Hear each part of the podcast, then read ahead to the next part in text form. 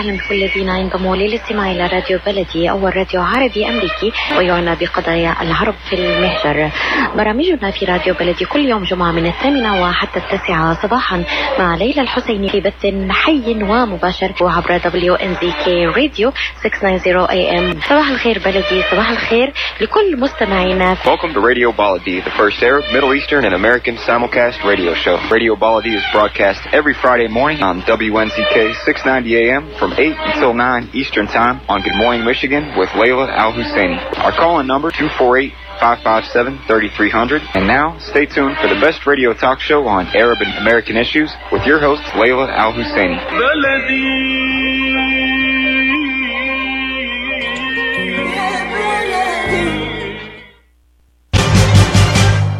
I am Atif Abdel Jawad. Join me the first Friday of each month at 8 a.m. Eastern Time.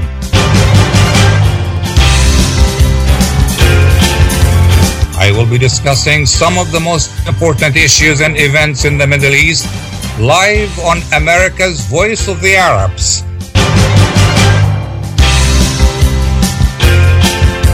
WNZK 690 AM and WDMV 700 AM.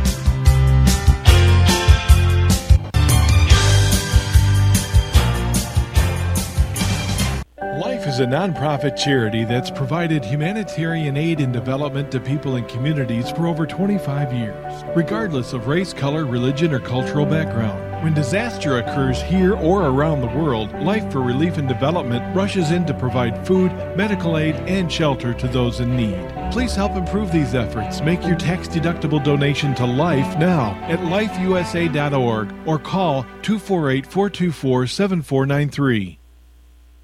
Kashat's Mediterranean Market and Shish Kebab offers a great array of your favorite Mediterranean meals. Meals range from lamb specialties, shawarma sandwiches, seafood dinners, and they offer special big trays of your favorite food, plus much more. Kushat's Mediterranean Market and Shish Kebab address is 32839 Northwestern Highway in Farmington Hills.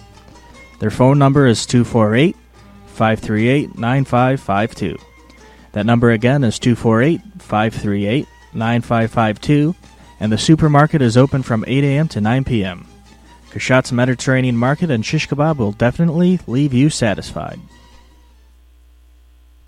When it comes to reproductive medicine, IVF Michigan Fertility Centers are the recognized leaders. With locations in Bloomfield Hills and five other cities in Michigan and Ohio, IVF has experts in all aspects of the field. As a founding member of IVF Michigan Fertility Centers, Dr. Nicholas Shama is one of the leading reproductive endocrinologists in Michigan and Ohio. Dr. Shama has performed over 10,000 IVF cases and has helped thousands of couples fulfill their dreams of parenthood. American board certified in both obstetrics and gynecology and reproductive endocrinology and infertility, Dr. Nicholas Shama is a very caring, compassionate, expert physician that understands not only the medical but also the emotional toil of infertility on his patients. When it's time, get personalized care from Dr. Nicholas Shama at IVF Michigan Fertility Centers in Michigan and Ohio. Call toll free 855 952 9600. 855 952 9600. When you're looking for the best in optical care, Dr. Imad Nakash is your doctor to see. With years of experience and thousands of successful procedures performed, you can trust your eyes to Dr. Imad Nakash. See Dr. Imad Nakash and his professional staff for your eye care needs. There's two locations to serve you. In Hazel Park, call 248 336 3937. 248 336 3937. In Rochester Hills, call 248 299 3937. That's 248 299 3937. I am Atif Abdel Jawad. Join me the first Friday of each month at 8 a.m. Eastern Time.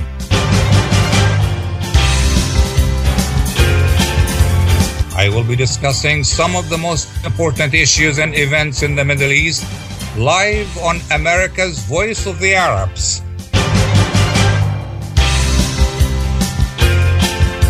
WNZK 690 AM and WDMV 700 AM.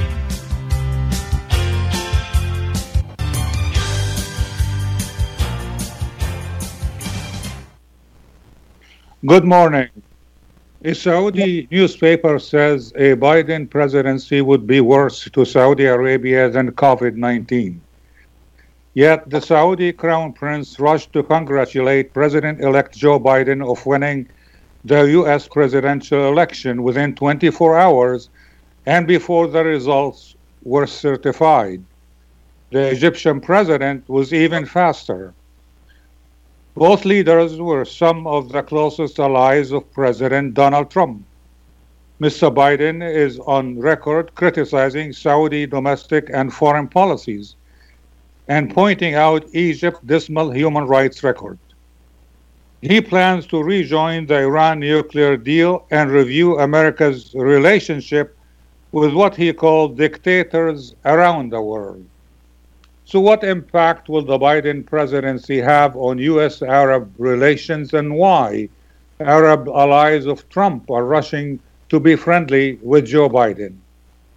To discuss these and other questions, we have a group of distinguished guests and experts who will explore with us in the next hour the possible scenarios for the U.S. Arab relations under President Biden. We have uh, with us from the Netherlands the Honorable Edward Abington, former Consul General in Jerusalem from 93 to 97. We have with us Professor David Des Roches, who is Associate Professor at the Near East South Asia Center for Strategic Studies at the National Defense University in Washington, D.C. We also have with us Professor Paolo von Schirach, who is president of the Global Policy Institute in Washington, D.C. My first question is for all our three guests, and let's start with Ambassador Abington. Ambassador, do you agree with the Saudi newspaper and why? I think that uh, the newspaper is a little too pessimistic about uh, what U.S. Saudi relations will be under President Biden. There's no doubt that there's going to be some serious changes from the relationship under uh, under Trump, but one has to keep in mind that the U.S. has had a strong relationship with Saudi Arabia for uh, 75 or 80 years, and there will be adjustments, but the relationship will continue. I think Biden will uh, de-emphasize the war in Yemen uh, human rights will become more important, and climate change, as he stated, is a prior, going to be a priority of his administration. But uh, nevertheless, uh, I think that Saudi U.S. relations will continue um, going forward. Okay, thank you, Professor uh, Des Roches. Same question. Yeah, I agree with the ambassador. The um, uh, the quotes are lurid, uh, as is often the case in Saudi newspapers. The bottom line is uh, Saudi Arabia is an important country for the United States. The United States is an important country for Saudi Arabia. It doesn't really matter who the president is. Uh, the policies are remarkably the same. We have shared interests. Um, there may be uh, some friction along the margins, but to expect a fundamental shift or realignment is is to misunderstand the nature of international politics. Professor Schirach. Well, uh, thank you. Um, I, I, agree with the previous uh, speakers. Uh, certainly, this is a long and enduring and very strong relationship that is not going to be transformed radically because uh, there is a, a, you know a new president in Washington D.C. That said, let's not forget that, that a great deal of the new emphasis and and uh, and closeness uh, between uh, President Trump and uh, and his administration and the Gulf monarchies was in large measure predicated on having identified Iran as the common enemy, and that created, if you wish, a stronger bond in terms of unity of purpose of saying we are all united here on this common front against Iran to the extent that the Biden administration uh, will try in some fashion uh, to rekindle the old uh, so-called nuclear deal with Iran in some fashion. It's probably not going to be the same for sure. Well, then maybe the emphasis on this common front may be diminished. But that does not mean, you know, that there will be radical transformations in the U.S. Uh, Saudi relationship. going back to Ambassador uh, Abington, what is the, the biggest change we can expect to see in the Middle East during the Biden presidency? Well, I would say for one thing, the Middle East is uh, going to be a lesser priority probably for Biden than it was for Trump, or for that matter, uh, under President Obama. But the, the, the, last speaker, I think, uh, uh made a very important point that uh, President elect Biden will try to regenerate with Iran the uh, Joint Comprehensive Plan of Action um, to put limits on Iran's nuclear program. Uh, Biden had a, an interview with uh, Tom Friedman in the New York Times several days ago. And uh, Biden made very clear that this is a very high priority for him. And he said the last thing the United States wanted to see would be nuclear competition uh, in the region, with Iran gaining nuclear weapons, perhaps leading them to the Saudis, uh, the Turks, the, the Egyptians, or others also trying to uh, gain nuclear capability. And he termed that a, a, real danger in terms of U.S. security. So he's going to put a lot of emphasis on this, I believe, and that inevitably is going to lead to some frictions with uh, the Gulf states, uh, the UAE, Saudi Arabia, but also uh, real frictions, I suspect, uh, with Israel.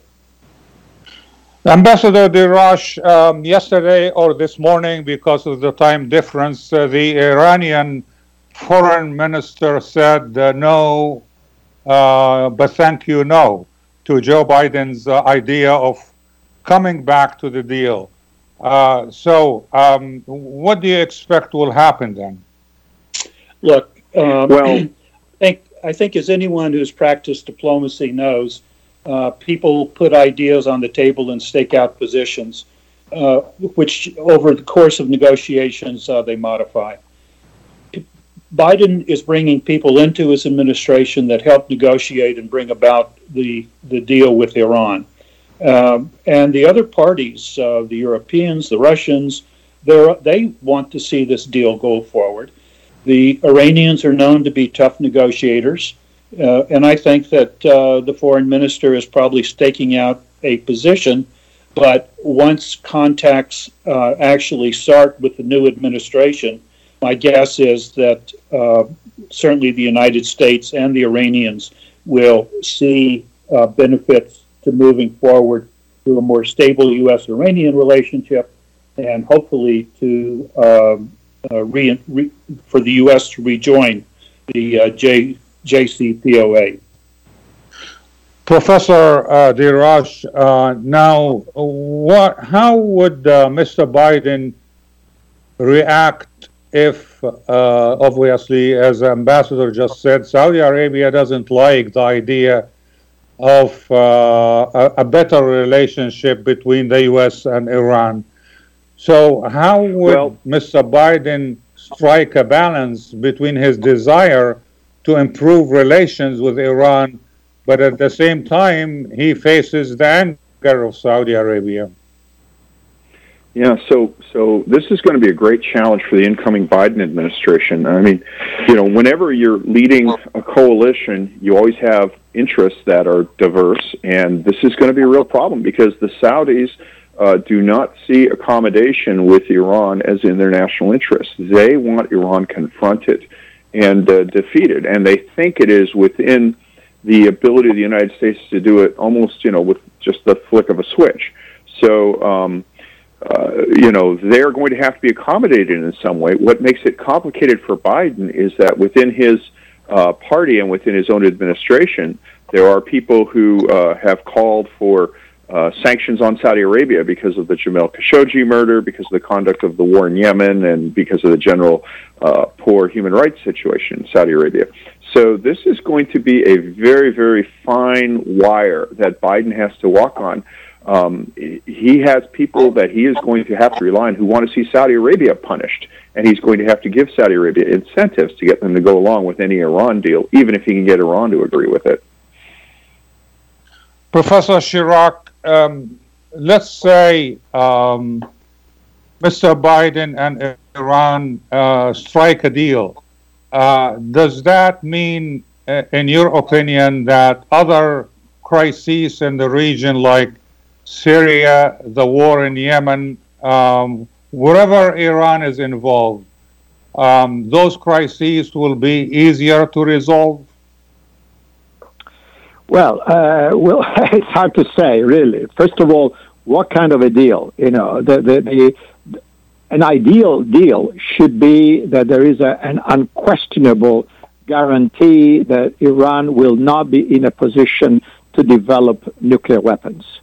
Uh, there was, of course, you know, doubt that the old deal, the one that was negotiated by the Obama administration with John Kerry as Secretary of State and in the lead in this whole process when Joe Biden was vice president, that that was questionable whether it achieved that or simply put uh, uh, kind of a freeze on the existing nuclear program in, in, in Iran that could be resumed at a later date. So we'll have to see what kind of a new deal can be achieved. If that fundamental strategic American objective, which is shared, by the way, by the Saudis uh, and Israel and others, that that there is unquestionably a, a freeze, not just a freeze, but a halt, a termination of any uh, possibility that Iran now or at a later date will develop a nuclear weapon. Well, that would be a great achievement. I am not sure whether this is possible or not. Having said that, as we know, in the past, uh, the uh, Obama administration did not want to link the nuclear deal with uh, other issues uh, that we are all very familiar with in terms of uh, Iranian malfeasance in, in the region, from from Lebanon to Syria to Yemen to to indeed Iraq. How is that going to be managed, uh, you know, diplomatically in the bilateral relationship, you know, negotiations between the, the United States and Tehran? We'll have to see. It's really, really too early to say. But certainly, there will be pressure on the Biden administration to see to it that whatever negotiation uh, focusing on the nuclear deal are, you know, struck in the end, that all these other issues somehow are also involved. This would be extremely difficult given the Iranian reluctance to accept any of this. Uh, and we've seen this consistently throughout the years. So it's not really easy to say what what is achievable uh, at this point. I would not put too much hope on a new, um, you know, productive restraint on Iranian policies in the region. That that restraint may be a function of lack of money, and that is sanctions. So, but this, the whole issue of sanctions uh, and a deal, as we know, are interconnected. So the Iranians will never accept a, a deal without the removal of sanctions. So, in other words, this is quite complicated. Ambassador Abington, now let's think uh, for a second about Israel's uh, reaction. Um, Israel wouldn't be happy uh, either. Um, so, what do you think Israel could do, or how uh, they would react if there was a deal between Mr. Biden and Iran? Well, if we look back at the Obama administration, uh, I think President Obama basically felt that Israel could not really be a, a partner in this. Uh, and as time went on, Netanyahu increasingly played an obstructionist role, uh, t- you know, delivering a speech before Congress, which was really a challenge to President Obama. I think that, uh, you know, we're likely to see Israeli le- elections next March. Uh, Netanyahu seems to manage his political uh, difficulties reasonably well, so we can't rule out that he will be prime minister again. Uh, but fundamentally, fundamentally, the Israelis have to have a good relationship with the United States. There will be difficulties with Israel over uh, resumption of negotiations with Iran, and if a some kind of a deal is reached, the Israelis will not like it. They probably will try to play up their animosity uh, with Republicans in the Congress. But uh, the bottom line is that for Israel, the, U, the relationship with the U.S. is absolutely critical. And they will not, I think, take actions uh, to, to jeopardize that. Ambassador Darash, uh, some people say you can't have a good human rights record and an effective war on terrorism at the same time. Uh, most of those people are in the Middle East, but also here, uh, as uh, President Trump uh, normally um, prefers um, a fight against terrorism, even though human rights are uh, violated. Well, I, yeah, I've, I've you're heard right. that. You're, you're right that, that there is uh, there is some tension between pursuing human rights and uh, dealing with uh, the threat of terrorism. I think that we have let uh, the threat of terrorism dominate too much our foreign policy agenda, especially in the Middle East. And I think that we need to recalibrate and see and bring it more into balance with the reality on the ground there. Uh, one can even argue that U.S. policy has only exacerbated the threat of terrorism in the region. So I think that's something that needs to be seriously looked at. On the other hand, the, Biden, the Trump administration has paid virtually no attention to human rights. Uh, certainly not uh, as, as, as it applies to Egypt or Saudi Arabia, or for that matter, uh, how the Israelis treat the Palestinians.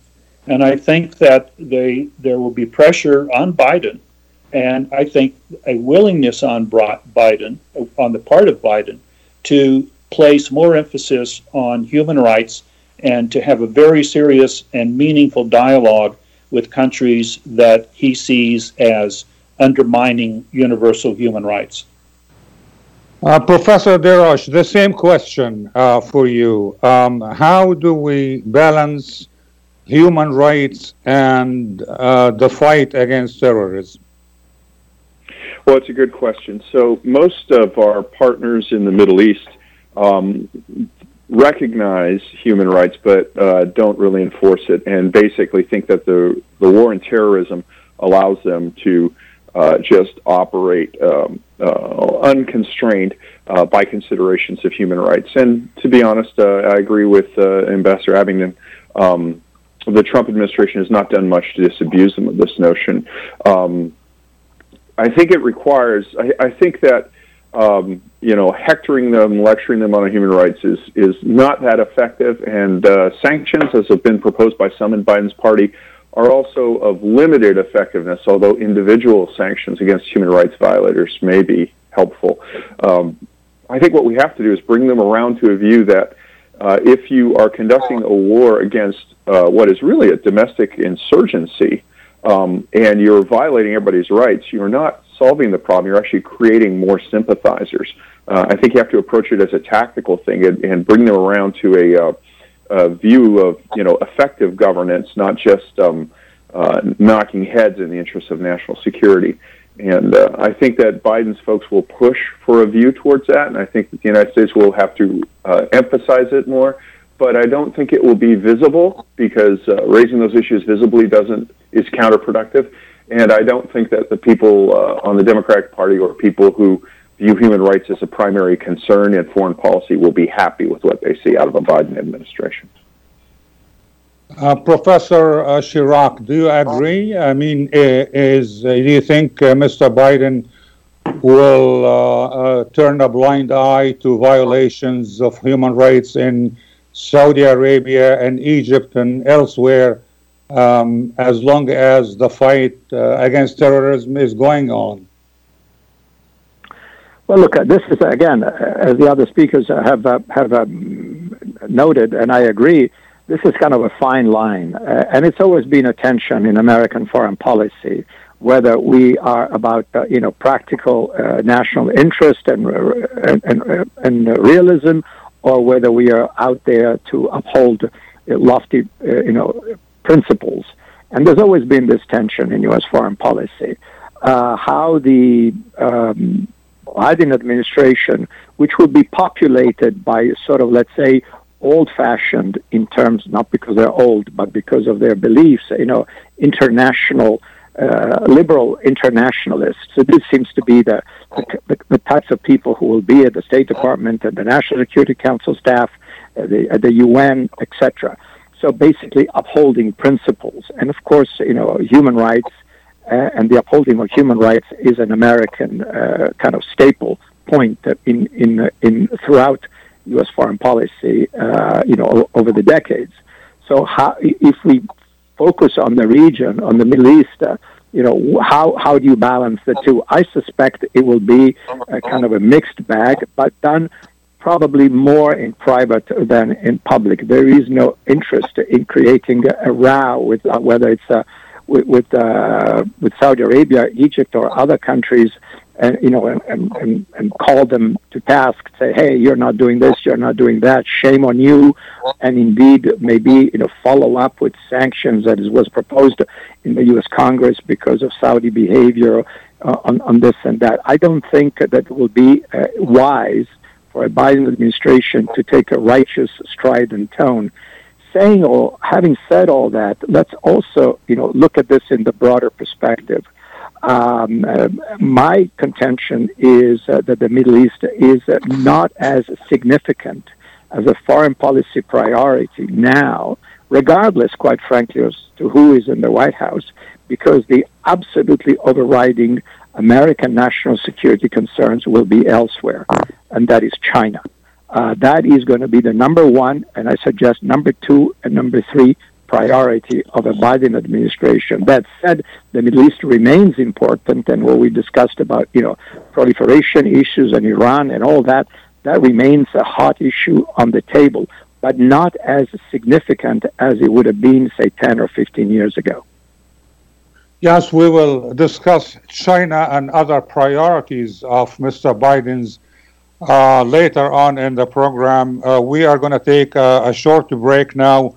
Uh, when we come back from the break, I'm going to ask Ambassador Abington um, about uh, the expected first foreign trip that Mr. Biden might take. We, under- we remember Mr. Trump uh, visited Saudi Arabia, um, and whether or not Mr. Biden will go to the Middle East or somewhere else, uh, that will also indicate to us uh, his priorities when we get back after the break.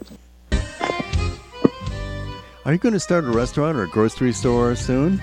Do you need floor plans and designs? Call Naji Abood at 734 744 9796. You want to buy kitchen and restaurant equipment at discount prices? Call Naji Abood now, 734 744 9796. New Concept Products and Design, the trademark of kitchen equipment. 5% discount on all purchases of $75,000 or more. New Concept Products and Design, new location, 31 185 Schoolcraft in Livonia. Learn more at www.newconceptproducts.com. Call Naji Abood 734 744 9796.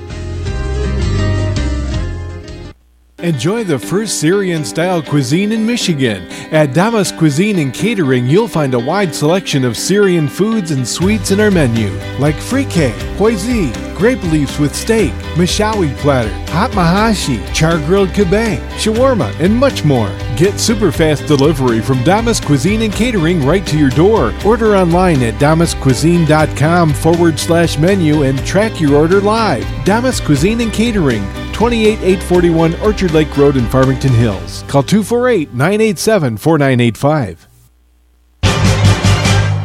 I am Atif Abdel Jawad. Join me the first Friday of each month at 8 a.m. Eastern Time.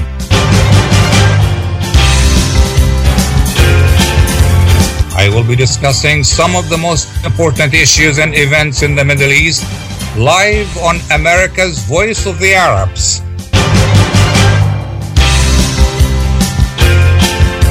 WNZK 690 AM and WDMV 700 AM.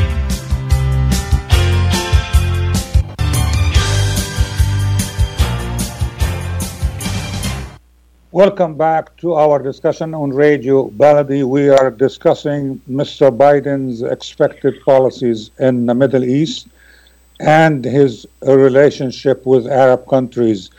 Um, Ambassador Abington, as we know, Mr. Trump's first visit, foreign trip, was to Saudi Arabia. Where should Mr. Biden go first and why? Well, I don't think that uh, it's going to be to Saudi Arabia, for that matter, anywhere in the Middle East. My guess is that uh, President Biden will first look to Europe uh, in terms of uh, repairing our relationships with the Europeans, with NATO's, and so forth. Uh, China is a, a top priority as well. Ambassador, yes, go ahead. And of course, any any type of trip like this needs to have preparation and uh, diplomatic discussions so that it's not just tourism, but something substantive comes out of it. But I would expect that uh, when he becomes president, Biden will probably uh, look first to Europe. Professor Des Roches, do you agree? I, I agree. Um, I think the COVID may throw a, a, wrench in the plans, but I think um, I, w- I would bet money he will go to Brussels with a stop in uh, Great Britain, either to or fro, and that's partially for policy reasons and partially just to underline the difference between him and Donald Trump. Uh, Professor Schirach. I certainly would agree. I think uh, that uh, the you know if we look at America's uh, foreign policy priorities going forward, it will be to reconstitute and and and, and rekindle uh, relations with our traditional allies. And Europe is certainly you know on, on, top of the list. Of course, you can add in the Indo-Pacific. You could you could add Japan. Uh, I, I would think uh, that would not be a surprise to me. Uh, if that would be a, a priority, I'm not sure if it comes before or after Europe, but I think will be very, very high on the list. And again, reconnecting to what we were saying earlier, maybe there's time to discuss it later. If we want to have a, a comprehensive policy in, in confronting the global challenges represented by China, we need friends and allies.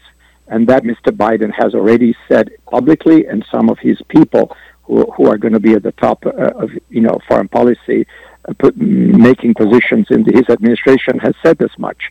If we want to do this, we have to have friends and Europe is our friend, and therefore we have to rekindle the relationship both at the economic level with the European Union and, of course, at the national security and strategic level with NATO.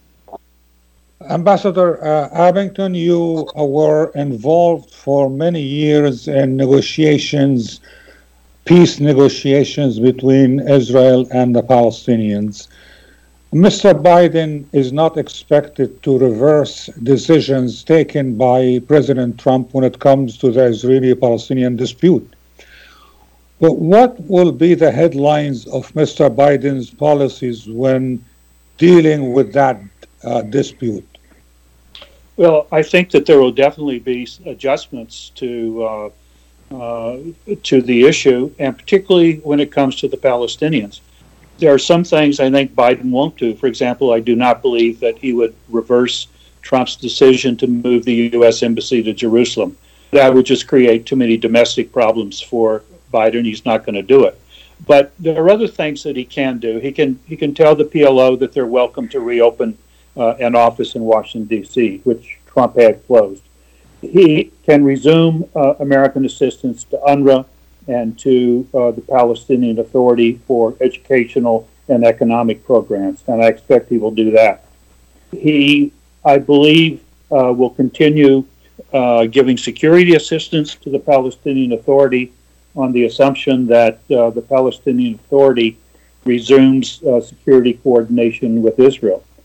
And I think at some level, there will be an interest in uh, seeing if there if there's a possibility to resume a dialogue on uh, looking ahead towards resumption of negotiations. But it certainly is not going to be a top priority of the administration, uh, and I think that lower level officials in the administration will be dealing with it, not the Secretary of State, or, nor do I expect that uh, President Biden himself will become deeply involved in the issue. There are simply too many other critical, critically important issues, internationally and domestically, that are going to really uh, be at the top of his agenda. Uh, Professor Des Roches, uh, uh, apart from the steps, uh, small steps uh, that Ambassador Abington talked about, Mr. Biden will be too busy with other bigger problems. He has other priorities, and he will probably not pay much attention to the Israeli Palestinian dispute unless some people say, unless the Palestinians submit a major initiative that is different from everything that has ever been there. What do you think the Palestinians should do to grab Mr. Biden's attention? Well, that's a good question. Look, um, Biden is going to have, uh, he, is not going to have a whole lot of tools. And he's dealing with an American public that, quite frankly, is, is tired of this issue. The narrative that um, uh, I, I, think there is a ingrained sympathy for um, the Palestinians, but I think that it doesn't translate into the policy realm. And when you look at you know the the the narrative of corruption in the Palestinian Authority and um, you know the fact that the leadership there is not exactly democratic, that that resonates. Uh, and you know Biden's going to be dealing with a razor thin margin in the House of Representatives. Uh, he's probably going to be dealing with a hostile Senate. He's not going to have a lot of tools. So the same old things that the Palestinians have doing have been doing is not going to work. They are going to have to uh, uh, come up with a game changer, and um, uh, you know understand that even under the best of circumstances, there's not going to be money the way uh, there was in the Trump administration. Um, already, uh, deficit hawks are swirling. So um, even if they show the most competent leadership and real visionary policy proposals, the Palestinians are still going to find that the United States just doesn't have as big a toolbox as it might have had four years ago. Um, so uh, it, it's it's going to be hard. I, I would not take that job on for all the money in the world, uh, but they can't keep doing what they were doing, and uh, you know that's not going to get anywhere. Um, I think there will probably be some change in the Israeli government, but again, fundamentally, um, unless they reform the narrative, uh, they're not going to get anywhere. Uh, and uh, you know, the main difference we'll see from Biden will be one of tone and improvements on the margins. Professor Schirach, what do you think uh, the Trump deal of the century, so-called uh, deal of the century, uh, will ultimately go um, after Mr. Trump is out of office? Will it survive?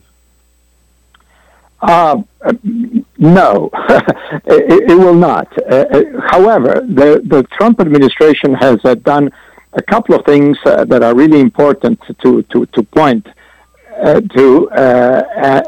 and, and again, probably we knew this already, but now it's demonstrably so. The, the fact that Israel has now officially diplomatic relations uh, with the with the Emirates and with Bahrain and now Sudan as well demonstrates uh, one thing that the Palestinian issue is no longer the fundamental matter that needs to be resolved before anything else can be discussed. There was a time uh, that in which uh, that was it. In any in any discussion, in any negotiations revol- regarding the Middle East, uh, uh, and and potentially, you know, the normalization of relations with Israel, the Arabs would say, well, first let's take care of the Palestinian issue because unless that is taken care of, nothing can be discussed. Well, that's no longer true, right? This is no longer true. That the Palestinian issue has been downgraded, not in Washington, but in the Arab world. That's that's a reality that the Palestinians uh, should uh, you know take a close look at. And as as uh, dismayed as they are seeing, uh, you know, Israel normalizing relations uh, with uh, with fellow Arabs, uh, you know, they have to take notice of this. And so, if we consider this as a contextual uh, transformation, which I think is quite radical, then uh, the you know the Biden administration attitude or, or you know or possible, uh, I, I, don't know, efforts to deal with the Palestinian-Israeli issue will, will, will follow that, meaning this is no longer that important. and therefore it's not a priority. And I fully agree with the other speakers who said this is not going to be you know, another Biden plan for the for Palestine, another roadmap, another there will be a high level you know super negotiator who will be in charge. No, it will not be handled that way because it's not a priority. And sad as it is for the Palestinians who will see probably their dream of statehood, full statehood, you know, pushed into quite frankly, Neverland. Uh, you know, as tough that as that is, this is a reality on the ground. Uh, what what uh, Trump has done vis-a-vis Israel will not be reversed. The embassy is not going to be removed. You know, the, the the issue of the settlements, which has been which has been so contentious uh, during the Obama administration, probably will be you know not paid you know, they will not pay too much attention to, and people are going are not going to be so exercised if there's another announcement in, in, in Jerusalem saying, oh, another settlement will get started here and there. This will, unfortunately, uh, and I say for the Palestinians, this will continue. And the Palestinians will have to make the best of this uh, rather unfavorable environment. And I don't see the Biden administration coming to the rescue in any significant way. We have uh, Mr. Khalil Hashim on the telephone line with a question. Let's see what he have. Uh, go ahead, Mr. Hashim. Good morning, and, and thank you, Mr. Dr. Jawad. This is a great discussion, a great panel, and I want to thank all the, uh, the panelists for their views. Very quickly, you know, uh, most of them are, a- are accurate. The only game changer is a return to the status quo prior to the Trump era, and that's what Israel really wants. And the blaming the lack of progress on the Palestinians is really there's nothing they can do. You know, Mr. Netanyahu has shifted the conflict from Arab-Israeli conflict to Israeli-Iranian conflict, recruiting most of the Sunni Arab countries in that conflict. It might not be a priority, but the Palestinian questions will continue to be the heart of the conflict in the Middle East. As long and, and the other point is as long as Israel has unchecked nuclear weapons, about 200 nukes, the nuclear race in the Middle East is on and already has started. You know, to say that only Iran uh, with nuclear nukes would start the, the, the race, that's not really accurate. And as far as, you know, the, the human rights, this is a stick that we use only when it's convenient, you know, because we like to deal with dictators, with families, whatever, whatever it is. And when they don't follow our policies, then we raise the human rights stick, but we don't raise it here, we don't raise it there. Would President Biden ask Israel to reconsider its annexation of the Golan Heights, which is against international law? I don't think so. You know, or attacking Syrian territories on daily basis, or violating Lebanon's, uh, you know, Lebanon's uh, uh, uh, uh, sky and land and sea. I don't think so if we don't see a change in the Israeli behavior, I really don't think there's going to be any change in the Middle East. And if we don't, and I don't see Biden going after that at all. And just like to see what your panels would, would, would think of that. Okay, Ambassador Abington. Well, I have to say, uh, I agree with uh, much of what Professor Schirach said. I think the Palestinians, um, you earlier said, well, should they present some far reaching new initiative? This ground has been plowed so many times by so many people. I don't think there is such a thing as a new initiative. Israel has increasingly moved to the right, and Netanyahu, who I've known since 19, uh, uh, 1983 when he was in, in Washington, um, he has no interest in serious negotiations to bring about a two state solution. So basically, the Palestinians are out of options. And I agree fully that the um, the formal establishment of relationship with several Arab countries changes the dynamics. The Palestinians are well aware that they are really out of options and that their toolbox is pretty empty. And as someone who's worked on this issue for 40 years or so, um, I find it really heartbreaking that we are in the situation that we're in.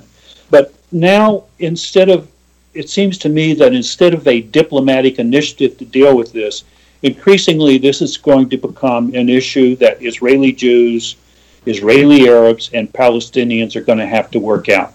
And already attitudes among Palestinians towards a uh, a, a one state solution is moving in that direction. That doesn't mean that Israeli Jews are going to accept that, but it seems to me that the the prospect of a diplomatic solution to this uh, complex problem is is just about over. Professor Des Roches, what do you think about that? Um, well, it's it's a fascinating issue. I've, I've heard uh, the arguments the callers made, uh, and I generally don't work on Israel-Palestine issue, and I certainly don't have the same level of depth that Ambassador Abington has. But uh, let, let, me make a couple points. First off, um, the demography is working against the hardline Israeli position, and Israel is being pushed. Uh, you know, they were able to hold off the demographic reckoning by uh, large scale immigration of, of Jewish people from the former Soviet Union, but that's pretty much over. And what we're seeing now is that Israeli Israel is facing a point at which they may become um, a uh, you know the, the, the argument that they are an apartheid state will have more legitimacy if you know you actually do have a majority of Palestinians within the 1948 uh, or the 1967 borders of Israel. So that works against them and that undercuts their support internationally. The second point I'd point out is that we've heard for years from uh, um, people both friendly and hostile to the interests of the United States that um, you know the unresolved Palestinian issue is the source of of all evil, and it it may be the source of all evil originally. I, I'm not I don't necessarily agree with that argument, but a lot of the um, factors that are, are brought in now, quite frankly, have changed. So, uh, you know, Lebanon is not a sovereign state. The presence of Hezbollah there is fine. I think that most Americans are happy with Israel conducting combat operations in Lebanon and will be until, uh, you know, Lebanon becomes a legitimate state. Um, the Israeli nuclear program is often raised. Um, that's fine, but a nuclear program without missiles to deliver it is kind of a uh, non it's a, it's an issue of concern, but it's not as practical. So the, these things are not exactly equivalent. But at the end of the day, um, the real change has to happen on the Israeli side, and I think the demography is what's going to make that happen. Well, we'll take a short break. When we come back, I will ask uh, Professor uh, Schirach uh, whether uh, the Biden presidency uh, is or will be a third Obama term. When we come back. Ziyad brand. Quality products from our family to yours. Ziyad Brothers Importing offers the finest quality products, including brands like Sultan, Kraft, Nestle, Hook, Rico Picon, Donna, and many more. Ask your retailer to carry these fine products because you deserve the very best. For more information, visit our website at www.ziyad.com. That's www.ziyad.com. Ziyad, quality products from our family to yours. At Top Rehab Physical Therapy Clinic in Dearborn, we provide effective physical therapy sessions in order to limit pain and discomfort. Top Rehab provides physical therapy care for any diagnosis prescribed by a physician, and we regularly see and treat conditions such as stroke, TMJ, fibromyalgia, sciatica, joint pain, and more. We use a variety of pain management methods, including modalities, soft tissue mobilization, and therapeutic exercise. If you're in need of physical rehabilitation or physical physical therapy, get the highest quality health care at Top Rehab. Most insurance is accepted and we're open Monday, Wednesday, and Friday 8 to 6, Tuesday and Thursday 8 to 5, and Saturday 10 till 2. Call for an appointment today at 313 846 0555. That's 313 846 0555. Choose Top Rehab Physical Therapy Clinic on Michigan Avenue in Dearborn. Life's too short to be in pain. Get ready for an amazing experience at Ishtar Restaurant on 15 Mile Road in Sterling Heights. Enjoy excellent hospitality from owners Ali Abbagdadi and Fatty Bonham, serving the best in Mediterranean food. Try Chef Ali Abbagdadi's famous shawarma, the best Iraqi grills and food, and the best Arabic and international dishes. Dine in our authentic atmosphere or take out. Call 586 698 2585 or check us out on Facebook. Ishtar Restaurant practices all CDC CDC guidelines and is open every day 11 a.m. to 10 p.m. Have an amazing experience today at Ishtar Restaurant, 3625 15 Mile Road, Sterling Heights. I am Atif Abdel. Join me the first Friday of each month at 8 a.m. Eastern Time.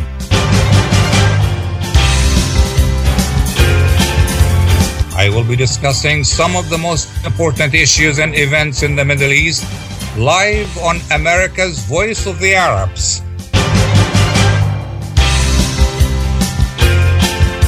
WNZK 690 AM and WDMV 700 AM.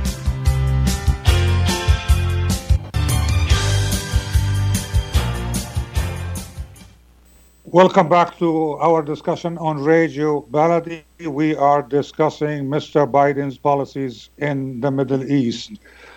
Professor Schirach, will the Biden presidency be a third Obama term?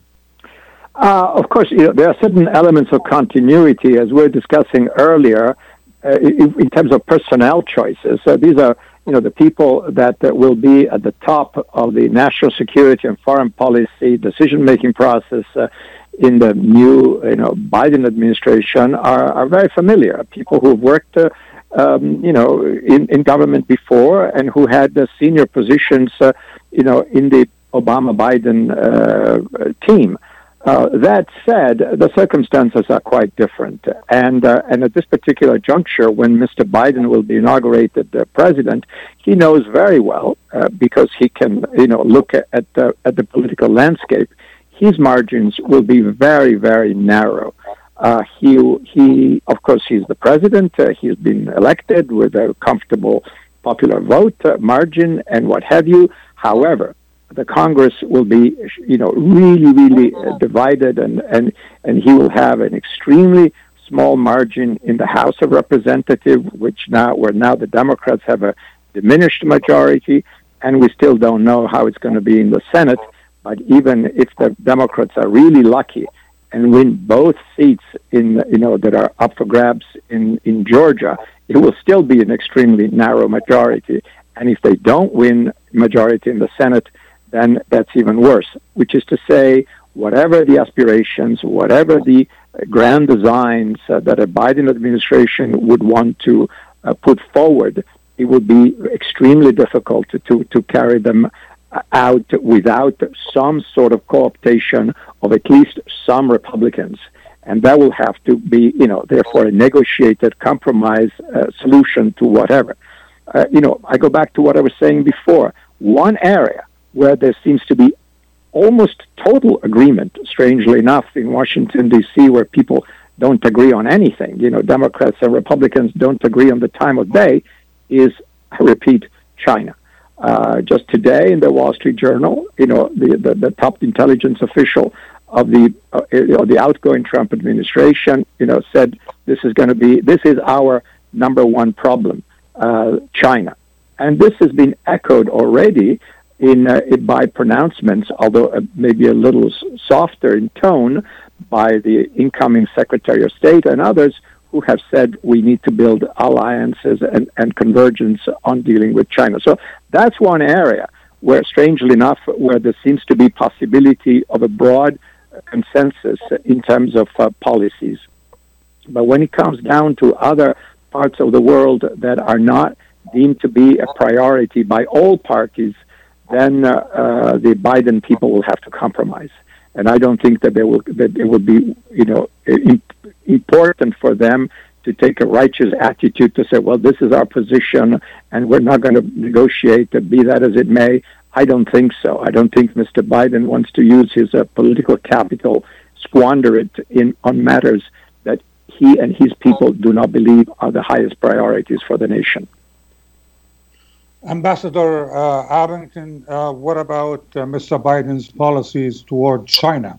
Will it be a continuity? No, uh, but I, I want to say that I agree very much with what uh, Professor Schirach said that uh, Biden is going to have a difficult time no matter what happens with, with the elections in Georgia. the Congress is too evenly divided. The two camps are disagree on too much, but there could be areas where they can cooperate domestically. Hopefully, cooperation on a a uh, program to deal with the economic effects of the COVID uh, pandemic. Uh, maybe an infrastructure uh, uh, program. But certainly, I think the one area where there does seem to be some consensus is China, and where Biden will strike a very different tone than Trump is instead of going it alone and and uh, starting trade disputes with with every almost every serious country in the world, uh, I feel confident that Biden and his team will try to build an international consensus and an international coalition to uh, deal with China on key important issues. And I think that will be much more uh, effective in getting the to, in moderating Chinese or changing Chinese behavior than the uh, scattergun approach that uh, the Trump administration has used. Ambassador uh, Edward Abington, thank you very much. Uh, my thanks also go to Professor uh, Des Roches and Professor Von Schirach, and uh, we'll see you the first Friday next month. Have a good weekend.